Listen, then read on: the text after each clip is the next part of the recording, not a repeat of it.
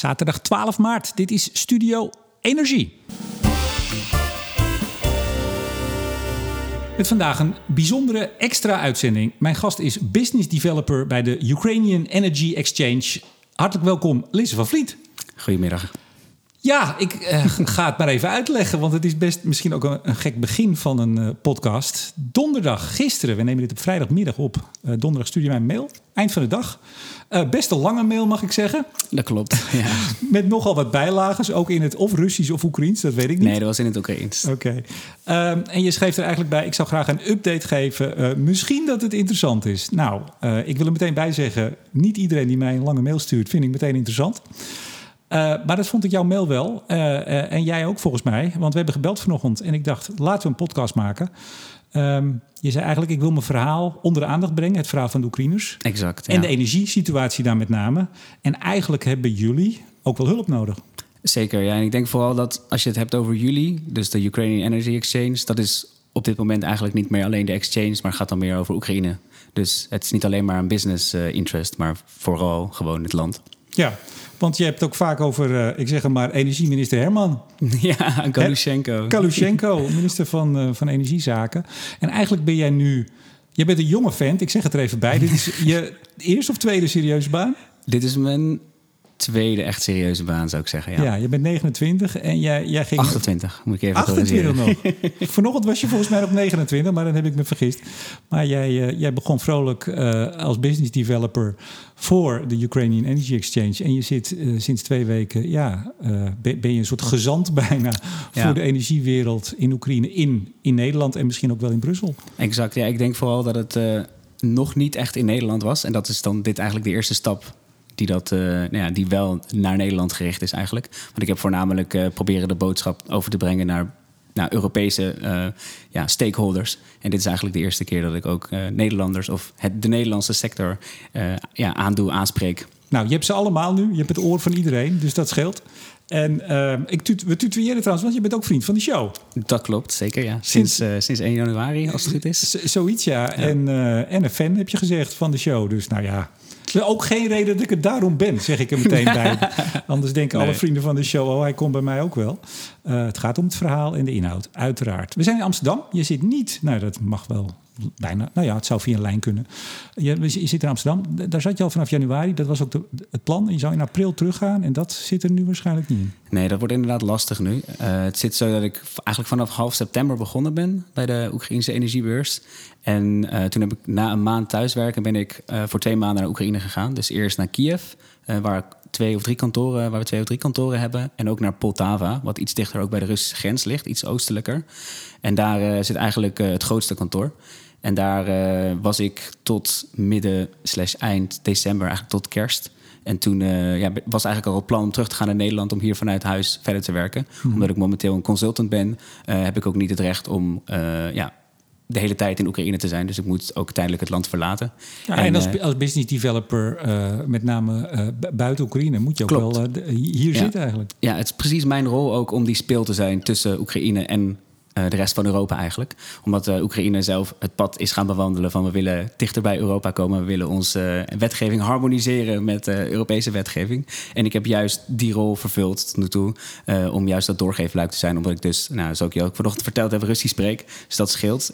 Ook al waren de brieven die ik je stuurde in het Oekraïens, spreek wel veel, spreken wel veel mensen daar in de sector, de energiesector Russisch nog. Dus dat heeft zeer geholpen. Ja. Dus vandaar dat ik in, in Amsterdam werk. En waarschijnlijk dus in april, waar ik op een conferentie zou gaan spreken in Kiev. Uh, ja, dat gaat nu uh, lastig worden vooralsnog. Ja, ja, ja, je bent ook wel een interessant vent. Want niet alleen spreek je Russisch, je bent ook nog een nou, uh, artiest, singer-songwriter. Zelfs mensen Google even, dakterras. Toch Q-music, gedraaid, festivals. Nee, maar je, bent, ja, je, je hebt serieus aan muziek gedaan.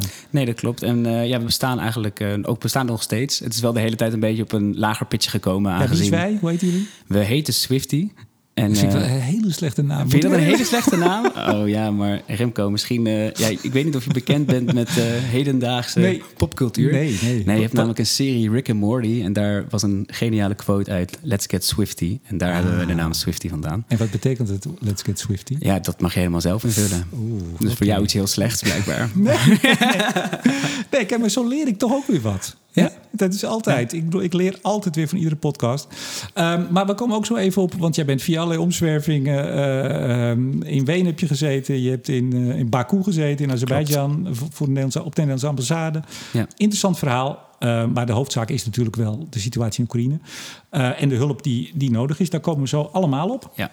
Ik zeg eerst nog even dat Studio Energie eh, mede wordt mogelijk gemaakt door nog meer vrienden van de show. Niet alleen door jou, maar en de 300, ik geloof 308 eh, medevrienden. Maar ook eh, Koninklijke FMW, Netbeheerder Steden in, Team Energie van Ploem Advocaten en Notarissen, Neptune Energy en energiebedrijf Eneco. Nou, daar kan je sowieso aankloppen als je nog een vraag hebt. Ik, ik neem aan dat die jou zeker te woord zullen, zullen staan. Ehm, vo- voordat we echt beginnen, wat is nu eh, nogmaals, vrijdagmiddag. eh, dit zenden we zaterdag uit. Wat is nu de energiesituatie, als je het zo kan zeggen, in de Oekraïne? Wat is het laatste nieuws? Ehm, ja, ik, ik, moet ik jou gelijk even corrigeren dat het Oekraïne is en niet de Oekraïne. Ja, ik dat- denk dat het heel vaak wordt gezegd, ook op de Nederlandse tv en de Nederlandse radio. Goed dat en je het is dat wel echt een ding wat mij wel elke keer tegen de borst eh stuit. Ik, nee, ik, ik ga meteen in de verdediging, want ik heb het opgezocht namelijk. Want Mhm. ik, en toen, ik weet dat het Oekraïne is. Zonder de. Ik wist het.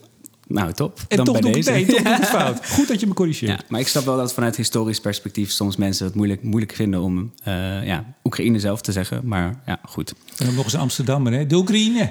is toch, ja, dat is een beetje plat. Maar Daar goed. ben ik er weer te kort voor om dat eh, precies te weten. Ja. Nee, maar een korte update eh, over Oekraïne en de energiesector.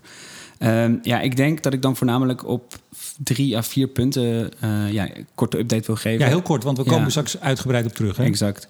En ik denk dat voor eh elektriciteitssector, dus het elektriciteitsnetwerk, Mhm. dat daar het belangrijkste en eigenlijk ook een van de meest unieke ontwikkelingen is tegenwoordig, of in Oekraïne op dit moment, is dat eigenlijk de dag dat Rusland is ingevallen in Oekraïne, stond ook de eerste test gepland voor Oekraïne om het elektriciteitsnetwerk in isolatie te laten opereren. Want wat is namelijk eh, vanuit de geschiedenis is Oekraïne geïntegreerd met Wit-Rusland of Belarus tegenwoordig en eh, Rusland.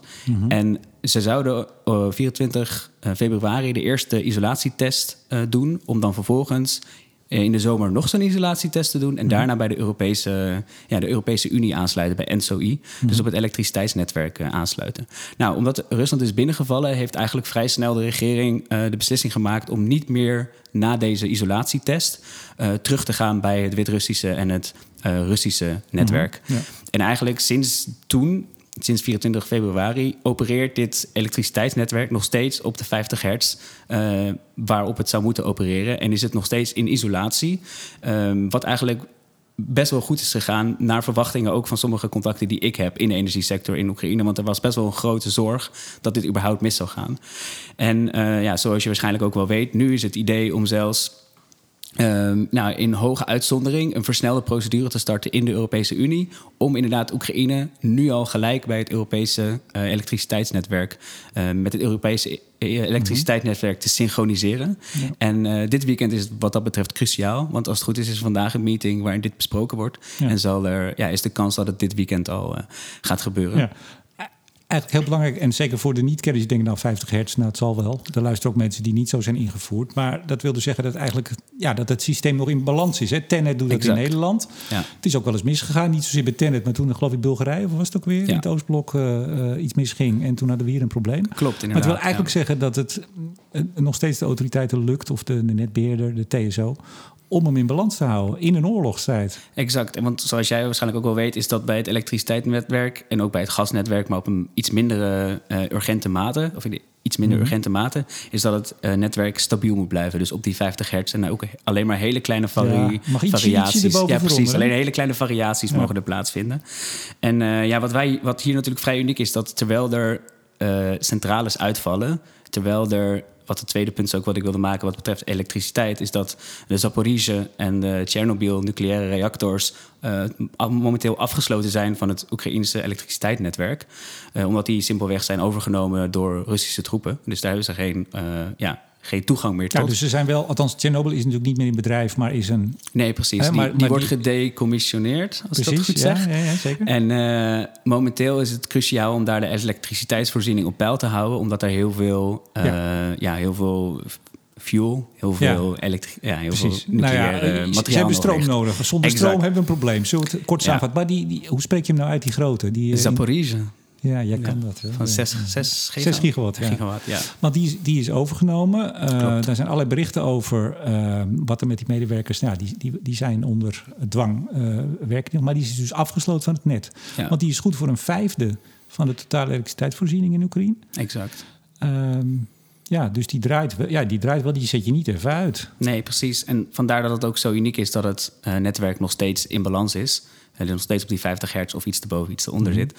Uh, juist omdat er zoveel uh, instabiliteit op dit moment in, uh, ja, in het land is op het elektriciteitsnetwerk. Ja. En ja, dat is dan ook wel een van de redenen dat het nu ook zo cruciaal is om Oekraïne bij dat Europese netwerk te krijgen. Maar dat is natuurlijk een politieke beslissing. En de politieke uh, bereidheid is al wel uitgesproken. Mm -hmm. Alleen uh, het moet nu ook van de praktische kant ook nog kunnen. Dus ook door netwerkbeheerders worden uh, goedgekeurd, et cetera. Ja, en dus dit weekend is daar een cruciale meeting voor. Ja. ja. ja. Je had een tweede punt, je had drie punten, dacht ik. Ja, klopt. Dus dat, zijn, ja, dat gaat over het elektriciteitsnetwerk. Dus dan heb je het over de stabiliteit en de kerncentrales... waar mm -hmm. we het mhm. over hebben gehad al. En ja, een derde punt wat ik zou willen maken is dan van het gasnetwerk. En dat is eigenlijk ook wel uh, ja, heel interessant om te zien dat het doorvoer van gas via Oekraïne eigenlijk stabiel blijft. En zelfs, nou, zoals je ook wel weet, iets gegroeid is eigenlijk sinds de, sinds de oorlog is begonnen. Mm -hmm. En um, er was wel ook berichtgeving vandaag en gisteren over dat de netwerkbeheerder voor gas in Oekraïne, mm -hmm. uh, dat die de controle zijn kwijtgeraakt over compressorstations ja. in het oosten van het land, waar ook de, tran, uh, ja, de transitie van gas of de mm -hmm. transit van ja? gas door Oekraïne uh, naar je Europa. Je maar Russisch en Engels natuurlijk. Dat ja, is, nee, dus ik, ik, wist ook al toen ik hierop toegezegd had dat ik dacht van, oh, ik ga sowieso al die termen in het Engels nee, maakt gebruiken. Niet uit. Maakt niet uit. Hey, maar, maar even, want jij, jij hebt mij ook um, ja, heel veel informatie gestuurd, ook een nieuwsoverzicht. Overigens, laten we meteen even één punt maken. Ik, eh, toen ik jou vanochtend belde, toen zei ik ook van ja, in hoeverre uh, kun jij ook beoordelen of alles wat jij krijgt toegespeeld door jouw baas, door het bedrijf, en dat weer ook misschien via andere kanalen komt, in hoeverre kun je beoordelen in een oorlog waarin propaganda aan, aan beide kanten, ook aan de Oekraïne, Oekraïnse kant natuurlijk speelt. Ja. In hoeverre kun je beoordelen of dingen kloppen? Hè? Want bijvoorbeeld bij die kerncentrale stond in wat informatie dat medewerkers gemarteld worden. Ja. Het lijkt me voor jou ook lastig klopt. om te weten van ja, uh, moet ik dit nou doorgeven of ben ik nou ook een soort uh, propaganda bedrijf? Nee, precies. En daar heb ik ook wel heel erg afstand van proberen te houden en te nemen. Uh, juist ook om ja, te wenden tot officiële berichtgeving. Bijvoorbeeld van die nucleaire reactors. Dat eigenlijk anderhalve week geleden werd daarover bericht al door Oekraïense partners. Van oh, daar, daar, gaat het helemaal mis. Het is allemaal heel erg. En toen was ik van ja, oké, okay, maar hoe weet ik zeker of dit echt zo is? Mm -hmm. Maar momenteel heeft ook uh, ja, mijn vorige werkgever, de uh, Energiegemeenschap, het secretariaat komen we zo in, Wenen, daar komen we zo meteen op. Ja, ja. Zeker. En ook het Internationaal Atoomagentschap hebben allebei ook al zorgen geuit over de, de kerncentrales uh, Cherno Chernobyl en Zaporizhia, ja. als het goed is ook. Ja. dus, dus dan durf ik wel te zeggen dat, er, dat het iets niet helemaal goed gaat. Maar ik ben het helemaal met je eens dat ik ook erg moet waken om ja. niet dingen voor waar aan te nemen. Dat heb ik ook wel tegen mijn baas gezegd, want ik ga niet alles maar je hebt trouwens wel even toestemming gevraagd, hè, of deze podcast mocht. Zeker, ja, zeker. Nee, ze hebben allebei gezegd van, uh, ja, ga ervoor. Het is alleen maar goed dat Nederlanders ook weten wat er aan de hand is. Ja. En uh, als je dat op deze manier kan doen, dan doe dat alsjeblieft. Ja, als je bij Remco de Boer kan zitten, dan... Uh, dan... Daarom, daarom. Ik heb ze verteld in het Rustisch dat er een podcast is in Nederland waar veel mensen naar luisteren. En dat Studio Energie heet. En ze zeiden gelijk, Remco de Boer, Doe, dat kennen go. We, ja, dat kennen we. Hey, maar even over gas nog, want ja. in, in die informatie die je mij stuurde, stond dat op 6 maart. er was ineens een scherpe druksprong in het uh, gastransportsysteem. Bleek schade aan een hoofdgasleiding. Het ga ik allemaal verkeerd uitspreken, maar Kramatorsk, Donetsk en Mariupol. Mm -hmm. Mariupol. Ja. Hoe, spreek jij het even goed uit met dat gehakkel van mij? Mariupol. Ja, maar ja. alle drie even. Ah, Donetsk, Mariupol en Krama, Kramatorsk. Ja, ja precies. Ja. Ja. Um, en dat het dus niet lukt om het druk op peil te houden. En die wordt dan gewoon afgesloten. Uh, miljoen consumenten, daardoor zonder gas. Klopt, heb ik inderdaad ook gelezen.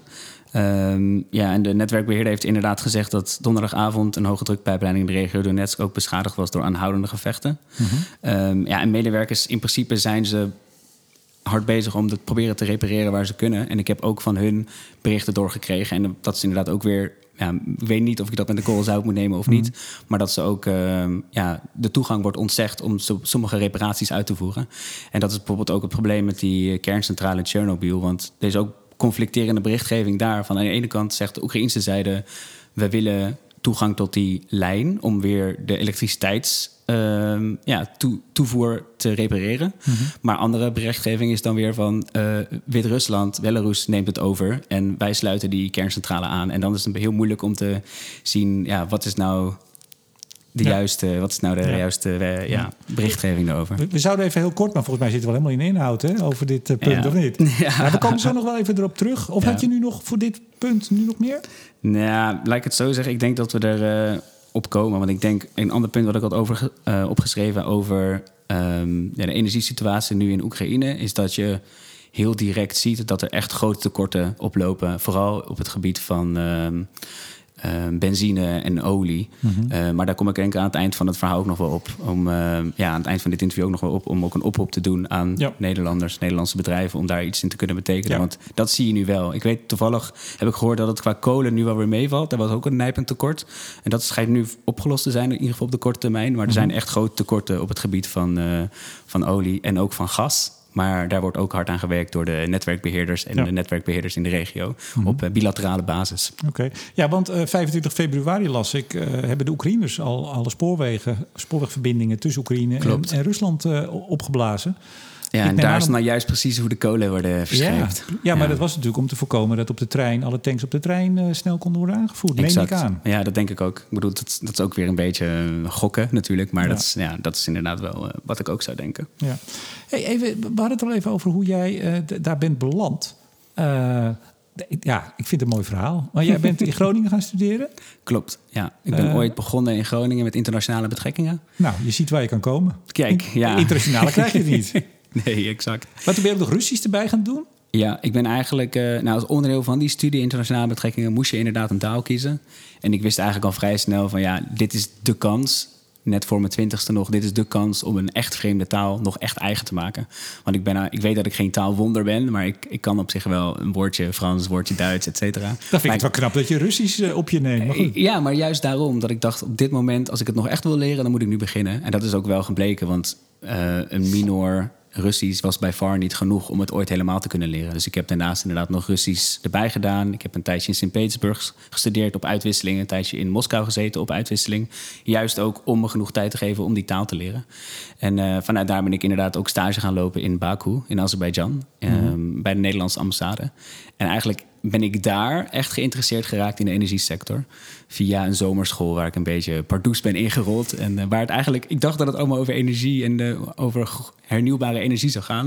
Maar dat ging natuurlijk alleen maar over olie en gas en boringen, et cetera. Dus, maar toen zag ik ook wel de relevantie ervan. En eigenlijk eh, ja, hoe een groot deel van de wereld, of misschien wel eigenlijk bijna de hele wereld, nog steeds draait op fossiele, eh, ja, Ja. fossiele Dus dat is brandstoffen. 2018. Ja, als het goed is wel. Ik zag nog een videootje van jou volgens mij eh, met een optreden in, eh, in Baku.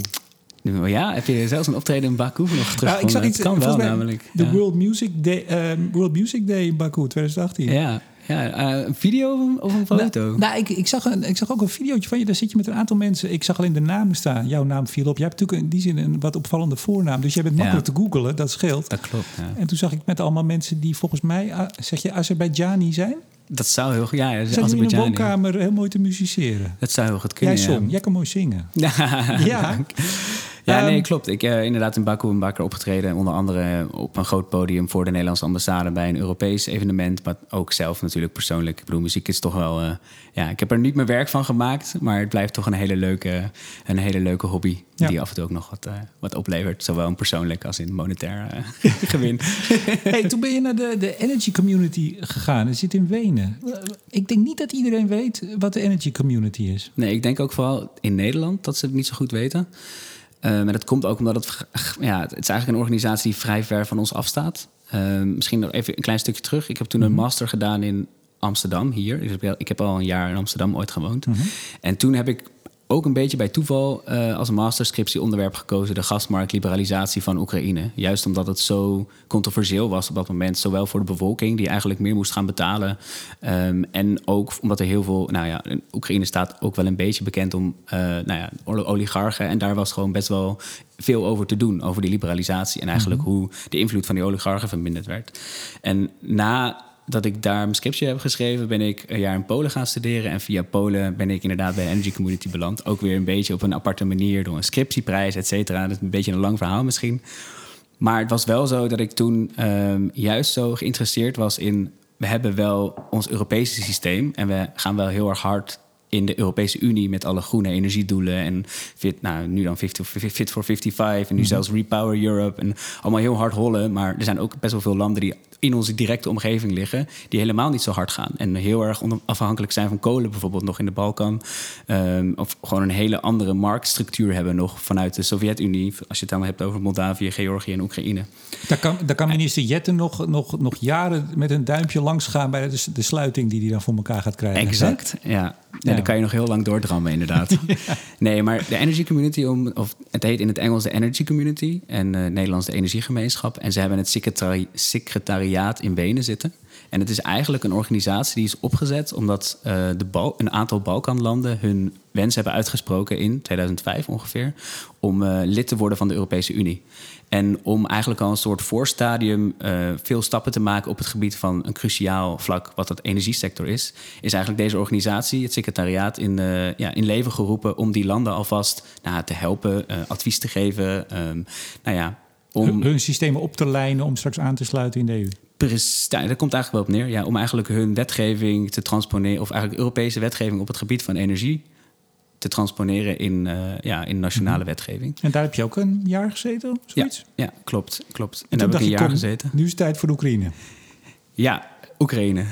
ja. Oh. Hemel, ja. Nee, maar uh, ja, ik heb eigenlijk in Wenen bij de energiegemeenschap ben ik samen met mijn baas, uh, mijn toenmalige baas, Gregor Wijnzettel, hebben we eigenlijk een project opgezet wat SEAGAS heet. En dat staat voor Southeast European Gas Platform Initiative. En het is eigenlijk een regionaal initiatief om te zorgen dat de energiebeurzen in die regio, Southeast European regio, mm -hmm. Zuidoost-Europa, ja.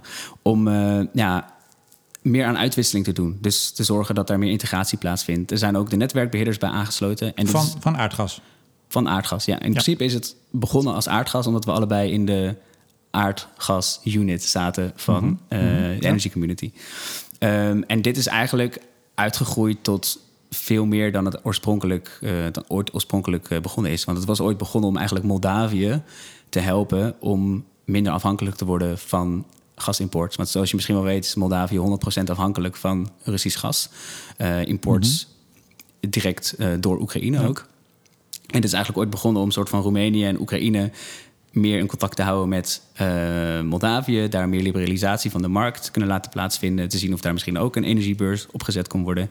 En dit is eigenlijk uitgegroeid naar een regionaal platform eigenlijk om, uh, ja, om ideeën uit te wisselen, om samen projecten te doen. Momenteel is er ook een uh, MOU getekend, waar ook landen als Roemenië, Bulgarije, Polen, Oostenrijk, Hongarije, Griekenland allemaal lid van zijn geworden. Dus dan heb je het over de beurzen en de... Sorry? Exact, ja, Memorandum of Understanding. Ja? Ik ben eventjes kwijt hoe dat in het Nederlands is, maar... Dat zoeken de mensen wel Precies, op. dat zoeken de mensen wel op. um, en dit is eigenlijk uitgegroeid tot een regionaal platform... waar uh, projecten kunnen worden opgezet. En ja. Uh, ja, daar is de Joint Steering Committee is, uh, eigenlijk het meest directe, de meest directe uiting van.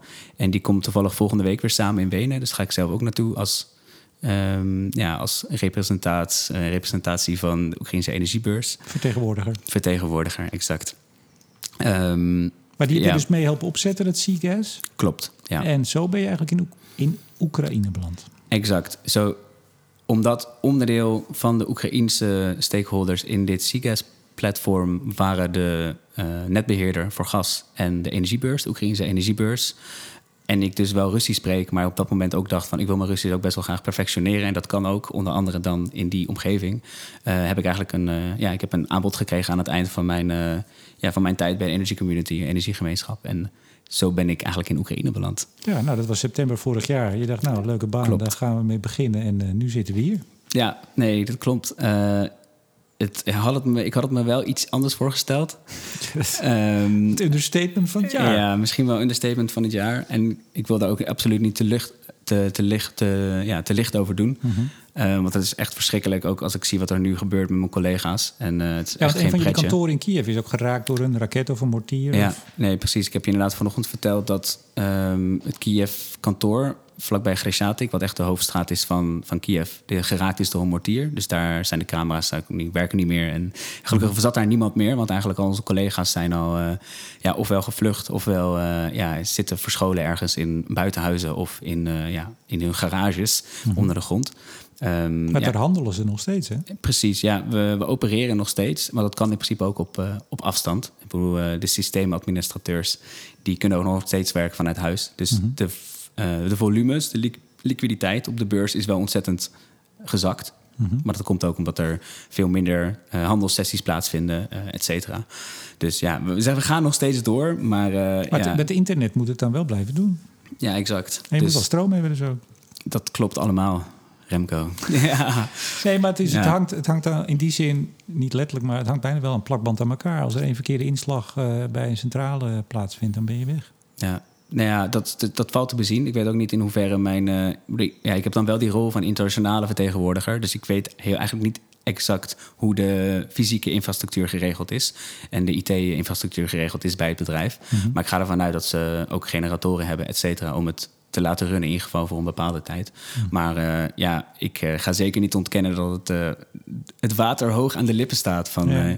de Oekraïnse energiebeurs, maar ook van de Oekraïners zelf. Uiteraard. Want over die generatoren gesproken, toen jij daar vorig jaar was, had men toen al een idee, zo december, had men toen al een idee wat er op handen was?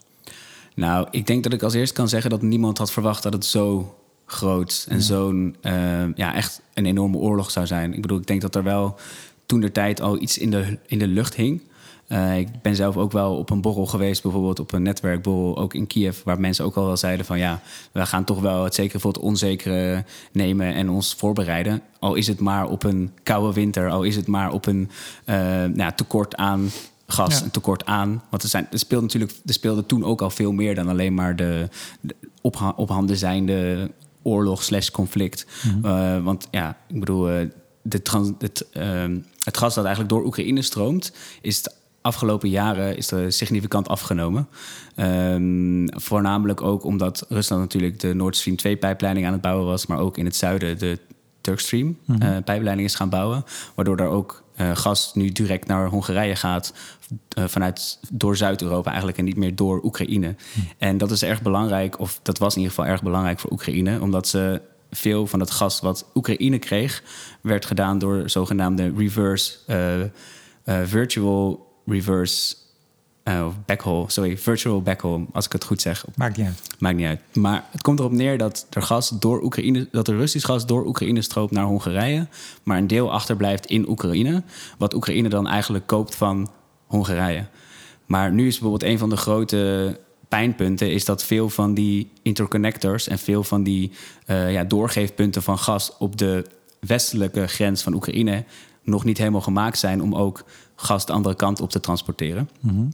En dat is dus nu ook een van de grote punten die wordt geregeld op bilateraal niveau tussen de netwerkbeheerder in Oekraïne en de netwerkbeheerder van bijvoorbeeld Hongarije, Polen, uh, Roemenië.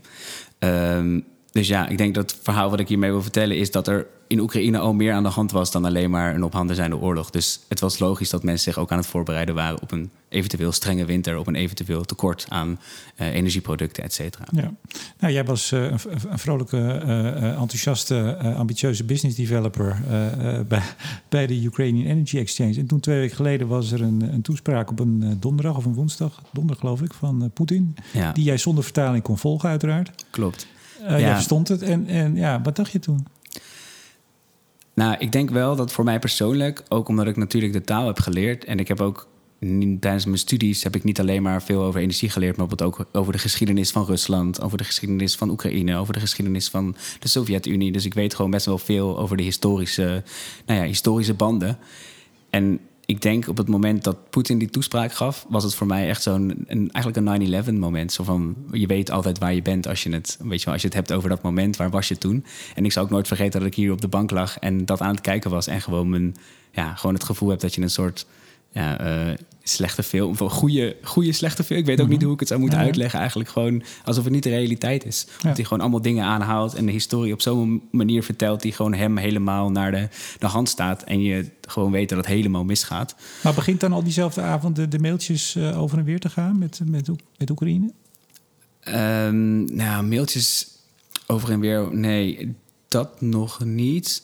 Moet ik eerlijk zeggen. Maar ook, ik denk juist omdat mijn rol business developer is slash was. Want ik weet bijvoorbeeld wel dat er al gelijk ehm, contact is geweest tussen de netwerkbeheerder van Oekraïne met uh, Europese instanties en netwerkbeheerders in de regio. Dus dat er wel crisis, ehm, vooral ook toen de bombardementen helemaal begonnen, dat de, de echte crisismanagement wel gelijk is, is begonnen met werken. Mhm. Eh, maar omdat ik zelf juist die rol had van business development, was het eigenlijk mijn eerste reactie was: oh ja, maar nu gaan alle meetings niet door, weet je wel, die ik had opgezet om ja, nieuwe, nieuwe projecten op te zetten, et cetera. Ehm, dus ja, ik ben niet gelijk getransformeerd tot een, uh, tot een crisismanager, zoals je het in de introductie zei. Dat heeft wel even een paar dagen geduurd. Ook omdat ik denk, en ik weet niet of, het meer, uh, of meer mensen dat zo hadden, dat ik echt wel de eerste paar dagen echt geschokt was.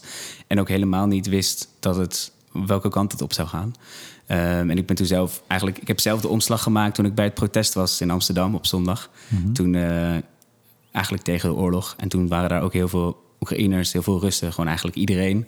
Uh, die je maar kan bedenken. En toen heb ik uh, ja, zelf wel echt behoorlijk wat tranen weggepikt.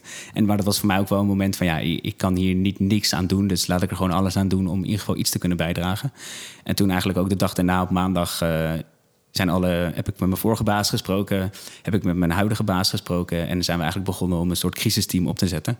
En vanuit daar is ook een, ja, een initiatief ontstaan om de Oekraïense vertegenwoordigers, vooral van de energiesector, eigenlijk bij elkaar te krijgen om een lijst op te stellen met wat er nu nodig is voor Oekraïne, om, eh, voor de energiesector vooral. Uh, en hebben we dat kunnen coördineren omdat ik juist die rol had van internationale vertegenwoordiger, kon ik bijvoorbeeld heel makkelijk een vertaler, gewoon vertaler regelen, die dan met de, Europees, eh, met de mijn vorige baas energiegemeenschap kon, mm uh, ja, kon communiceren in een meeting, dat daar de Europese Commissie weer bij komt, dat er eigenlijk een soort van framework is ontstaan, omdat ik juist die rol had van mensen verbinden, mensen bij elkaar brengen. In heel korte tijd. Ja, in een week eigenlijk. Dus, dus in een week uh, toen opgezet. Dus uh, ja, de maandag eigenlijk na de invasie zijn we daarmee begonnen.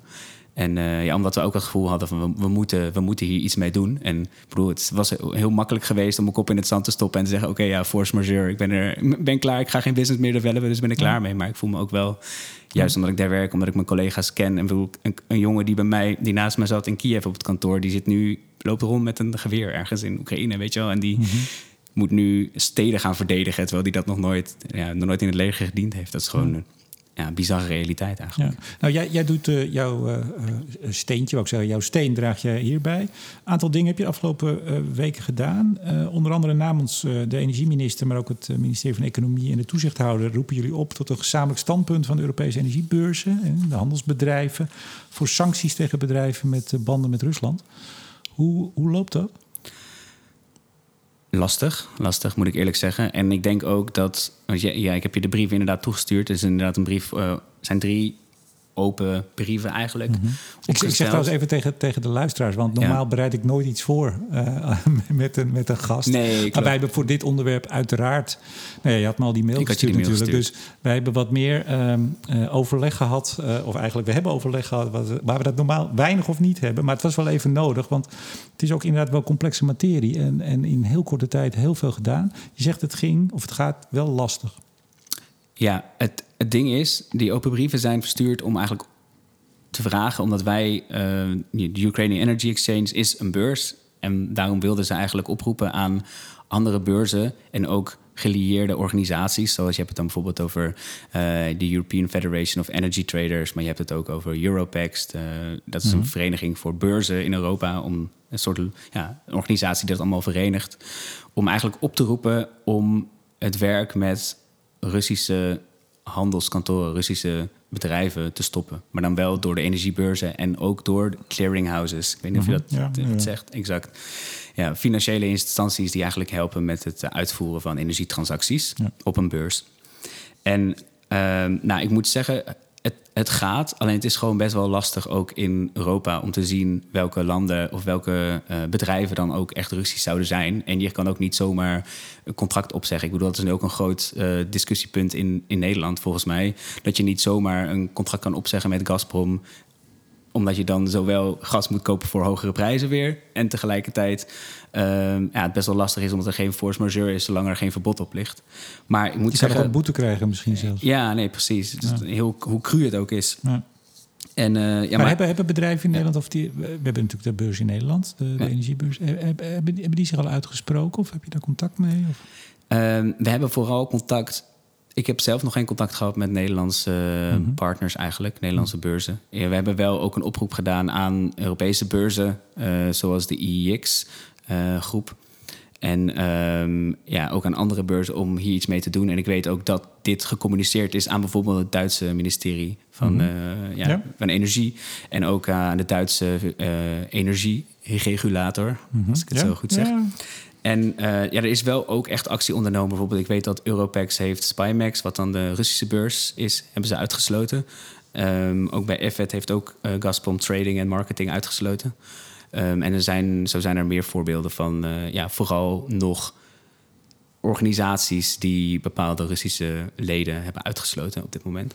Het, het lijkt me ook wel voor jou moeilijk, want je bent best wel uh, uh, veel weg geweest, zou ik maar zeggen, in het buitenland. Zeker. En je zit nu uh, in Amsterdam en ja, je, je moet, nee, op een gegeven moment stuur je mij maar een mail. Ik neem aan dat je nog wat mensen hebt gemaild, maar je, je, moet, je moet je weg vinden nog. Het is natuurlijk allemaal exact. heel snel, ja, in een week tijd moet je dit allemaal van de grond zien te tillen. Ja, nee, klopt. En ik ben wat dat betreft ook wel... Uh, ja, ik zit ook een beetje in een spagaat nog. Want aan de ene kant wil ik heel graag zorgen dat er iets gedaan wordt... aan de huidige ja, situatie in Oekraïne. En daar wil ik mijn steentje aan bijdragen. En ik vertegenwoordig op dit moment een, een Oekraïns bedrijf... wat heel hard pusht voor ja, zoveel mogelijk sancties... zoveel mogelijk uh, ja, eigenlijk zoveel mogelijk actie. Mm -hmm. uh, maar ik weet zelf ook wel dat ja, ik heb ook de waarheid niet in pacht. Dus ik weet ook soms niet wat de ideale manieren zijn om een, uh, ja, om een boodschap te verkondigen en wat dan de ideale oplossingen zijn. Want ja. zoals je zelf weet, de energiesector is ontzettend complex. We hebben al ontzettend hoge prijzen in, uh, in Europa en die zijn, gaan alleen maar hoger worden. En ja, je volgt zelf ook het debat op Europees niveau. Er zijn best wel grote fundamentele debatten mm -hmm. over ja, hoe onze markt werkt, hoe we hier iets aan kunnen doen. Um, maar ja, het enige wat ik wel weet is dat er iets moet gebeuren. Er moet ja. iets van actie, iets van solidariteit zijn. Ja. Um, en hulp dus. En hulp. Wat, heb je, wat, wat is je concrete vraag, oproep aan de energiewereld? En aan de breder natuurlijk, maar in dit geval heb je het oor van de energiewereld. Nou, ik wilde graag oproepen eigenlijk aan uh, de energiewereld in Nederland. Is uh, dat ondersteuning van de Oekraïnse energiesector van vitaal belang is voor Oekraïne, voor Oekraïne eigenlijk en voor voorbestaan van Oekraïne. Uh, aangezien de verschillende problemen grote en zware gevolgen kunnen hebben. Zoals bijvoorbeeld uh, tekort, wat ik al heb gezegd over tekort van brandstof, maar ook van apparatuur. Mm -hmm. En daarom uh, wil ik als eerste graag oproepen dat naar de Oekraïnse energiebeurs, dus namens het Oekraïnse ministerie van Energie en het secretariaat van de Energiegemeenschap, dringende hulp willen vragen aan de Nederlandse regering, de Nederlandse energiebedrijven en ook energiehandelaren. Om Oekraïne te helpen met de uitrusting en materiaal. En ook brandstof, benzine en dieselvoorraden voorraden aan te vullen. Mm -hmm.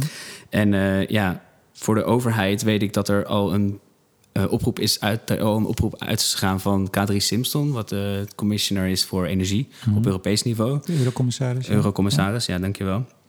Um, direct al aan, als het goed is, het minister van, de minister van Energie van Nederland. Mm -hmm. um, om deze steun te verlenen.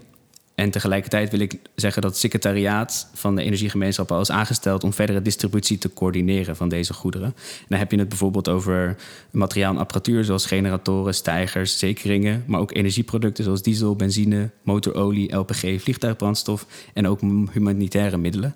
En uh, ja, ik weet niet of je link, een link in, een, in de show notes zou kunnen zetten, want het gaat hier namelijk over het. Um, ja, je kan ze gewoon bereiken namelijk op uh, een e-mailadres. Mm-hmm. En dat is Ukraine Emergency Support at energy community.org. En dat is eigenlijk het uh, nood-e-mailadres dat is opgezet om um, ja, de, de distributie, de collectie en distributie van deze hoognodige materialen en grondstoffen eigenlijk te kunnen aggregeren en te kunnen communi uh, communiceren ook naar het Europese uh, Emergency Response Coordination Center, wat ook bestaat. Ja, ja. Dus dat is eigenlijk mijn eerste grote oproep: dat er gewoon een directe uh, ja, benodigdheid is ja. van veel producten ja. en apparatuur. Ik, ik, zal dit, um, ik zal het volgende doen. Ik zal het uh, op Soundcloud, is eigenlijk de bron altijd waar de podcast staat. Daar zal ik hem in de show notes zetten. Ik zal Top. hem ook even zetten in, uh, als ik hem deel op uh, Twitter en LinkedIn. Zoals mensen het, nou ja, misschien kunnen ze het wel, hebben ze het wel kunnen volgen, zoals je het net zei. Maar ik zal hem daar in ieder geval even zetten. We kunnen straks, als we, als we eindigen, kunnen we even kijken hoe ze misschien jou zelf ook kunnen benaderen. Exact, dus, dat was ook een tweede punt wat okay, ik inderdaad zou ja. wil maken. en dat is voornamelijk ook ehm, ja, dat ik zelf ook te bereiken ben. En dat is mijn e-mailadres, dat zal ik ook eh, doorgeven. Dat is lg.vliet.uiix.com.ua. Wacht, even, Ehm, wacht even, doe, doe, doe die nog één keer. Dus het is eerst de, de LG, Exact. want Punt. jij, jij heet ook nog Geert. Lisse. Geert, ja. Lisse Geert, punt. Vliet, V-L-I-E-T, Ja, at U-I-I-X, dus U-E-E-X, U-E-E-X, ja. ehm, at, sorry, punt .com, punt .ua.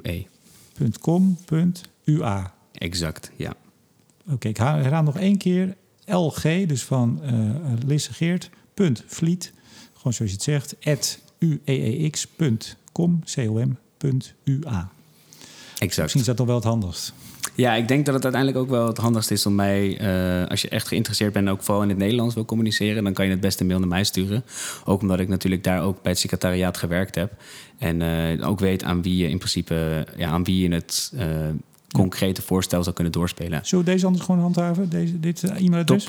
Oké. We dat. Hey, maar we eh, wa- want bijvoorbeeld, je, je, je noemde best wel heel veel op. Hè? Eh, benzine, de LPG geloof ik, wat, wat had je Ja. allemaal. Maar ook stij, stijgermateriaal, generatoren. Klopt. Echt dus een gebrek aan, hè? Het is Ja, niet, het is is niet voor de grap, zou ik maar zeggen. Dat is echt Nee. nodig. Nee, dus echt een, vooral aan grondstoffen als olie en LPG en zo is echt een groot, groot tekort.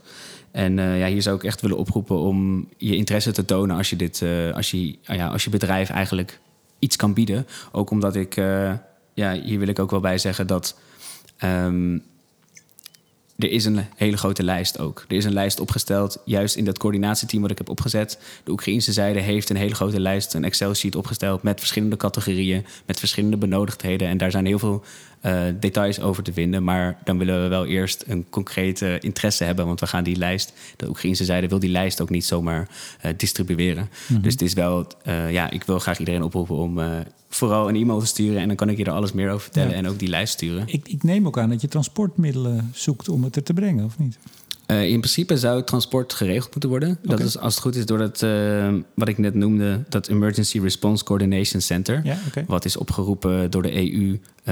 Eigenlijk is dat een coördinatiecenter wat in het algemeen al werkt, bijvoorbeeld bij een humanitaire ramp of bij een eh, natuurramp. Eh, is, is dat is in principe al staat op poten. Dus er hoeven geen eh, trans- transportbedrijven en cetera, die kunnen even wachten. Die hoeven niet hun hulp aan te bieden. Het vervoer is geregeld. Wordt Ehm, geregeld.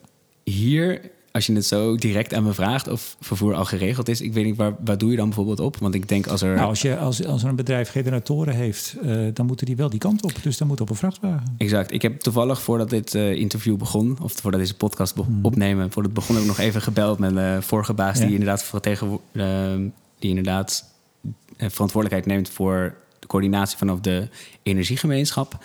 En hij heeft me verteld dat er als het goed is ook in Nederland een coördinatiecenter zou moeten zijn. Maar we weten eigenlijk nog niet zo goed wie dat op dit moment zijn. Dus ik denk dat het beste is omdat, eh, ja, dat, dat zou ik even met hun moeten kortsluiten. Oké, Maar ik, dus oké. nou, als je luistert, het Nederlands ministerie, en je weet toevallig wie deze crisisresponse doet vanuit de Nederlandse overheid, dan roep ik je op om een mail Ja, te sturen. nou, er luisteren veel EZK-ambtenaren, weet ik. Dus eh, ik hoop dat, dat, eh, dat het allemaal goed gaat.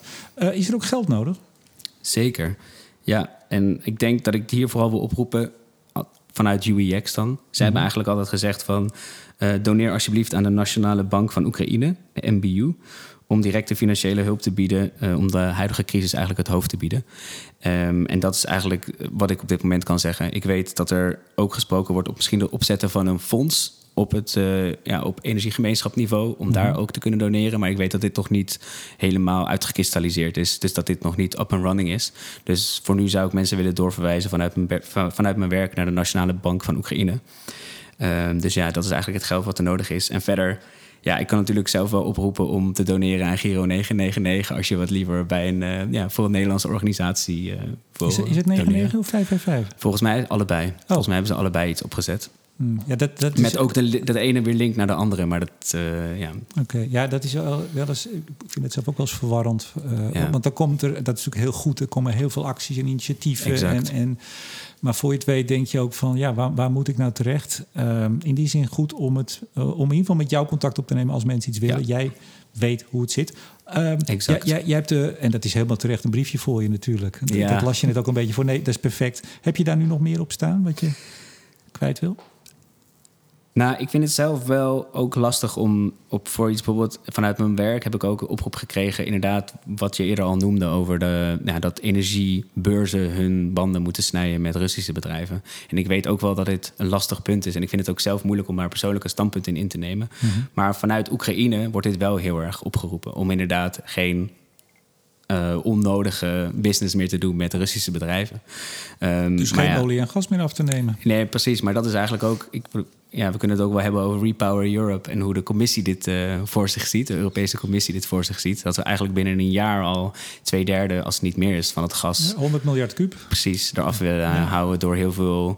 ehm, nou ja, energie-efficiëntie te verhogen, En elektrificatie, LNG. Ja, precies, LNG. LNG, andere eh, bronnen aan te boren. Maar dit is gewoon een heel lastig, eh, ja, een heel lastig vraagstuk waar ik het persoonlijk ook moeilijk vind om echt een standpunt op in te nemen, omdat het gewoon ingewikkelder is dan ik het ook, eh, ja, soms ingewikkelder is dan ik denk dat ik het Ja. snap. Ja, maar jij, maar jij bent hier ook maar als kerstverse medewerker van de beurs ingegooid. Ja, ik Dus- wil zeker niet claimen dat ik een expert ben op, op, op Nee. vele gebieden, maar ik heb wel een goed overzicht en ik weet dan wel weer veel over wat er in Oekraïne aan de gang is. ik denk dat iedereen dat, eh, dat eh, hoort en, en begrijpt. Ja, en ik denk bijvoorbeeld ook dat we, we zien het ook gebeuren. Ik bedoel, we hebben allemaal meegekregen dat eh, Shell bijvoorbeeld al die olievaten heeft, door, heeft gekocht nog op het laatste moment van Trafigura, wat dan Mhm. Russische olievaten waren.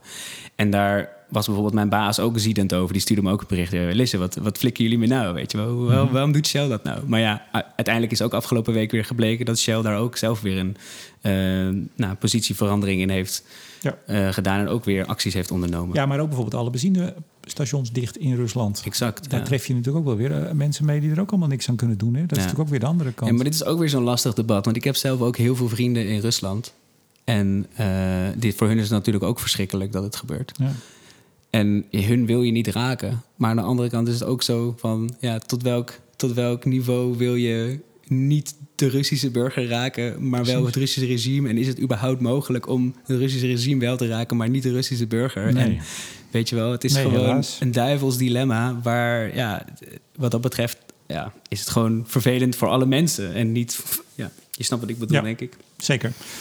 Hey, ehm, ja, ik had nog allemaal dingetjes wel voorbereid, ook over eh, de gasopslagen in Oekraïne. Maar volgens mij hebben we, hebben we alles gezegd, toch? Ik, eh, ik denk ook dat we inderdaad nog uren zouden kunnen blijven praten. Volgens mij is je Ehm. opdracht helder. Of eh, je, je, eh, je verzoek, je oproep, moet ik zeggen, helder.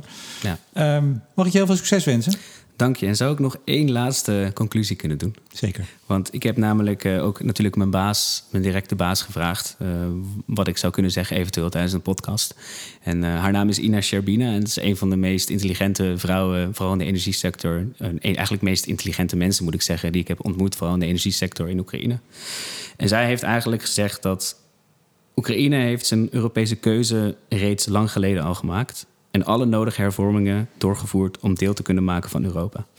Vandaag betalen de Oekraïners dat met hun leven. Deze oorlog is niet alleen een oorlog tegen Oekraïne, het is een oorlog tegen Europa en de hele beschaafde wereld. Als we onze wereld willen redden, moeten we Oekraïne helpen. Anders zullen autoritarisme en dictatuur de democratische orde der dingen en de wereld waarin wij gewend zijn vernietigen. Ik weet niet of ik daar 100% achter sta, maar ik, wil wel, ik denk dat het wel een heel goed beeld geeft van hoe de Oekraïners er op dit moment eh, over denken. Ehm, dus ja, ik denk dat ik dat toch moet gezegd hebben vanuit het Oekraïnse perspectief. Dankjewel.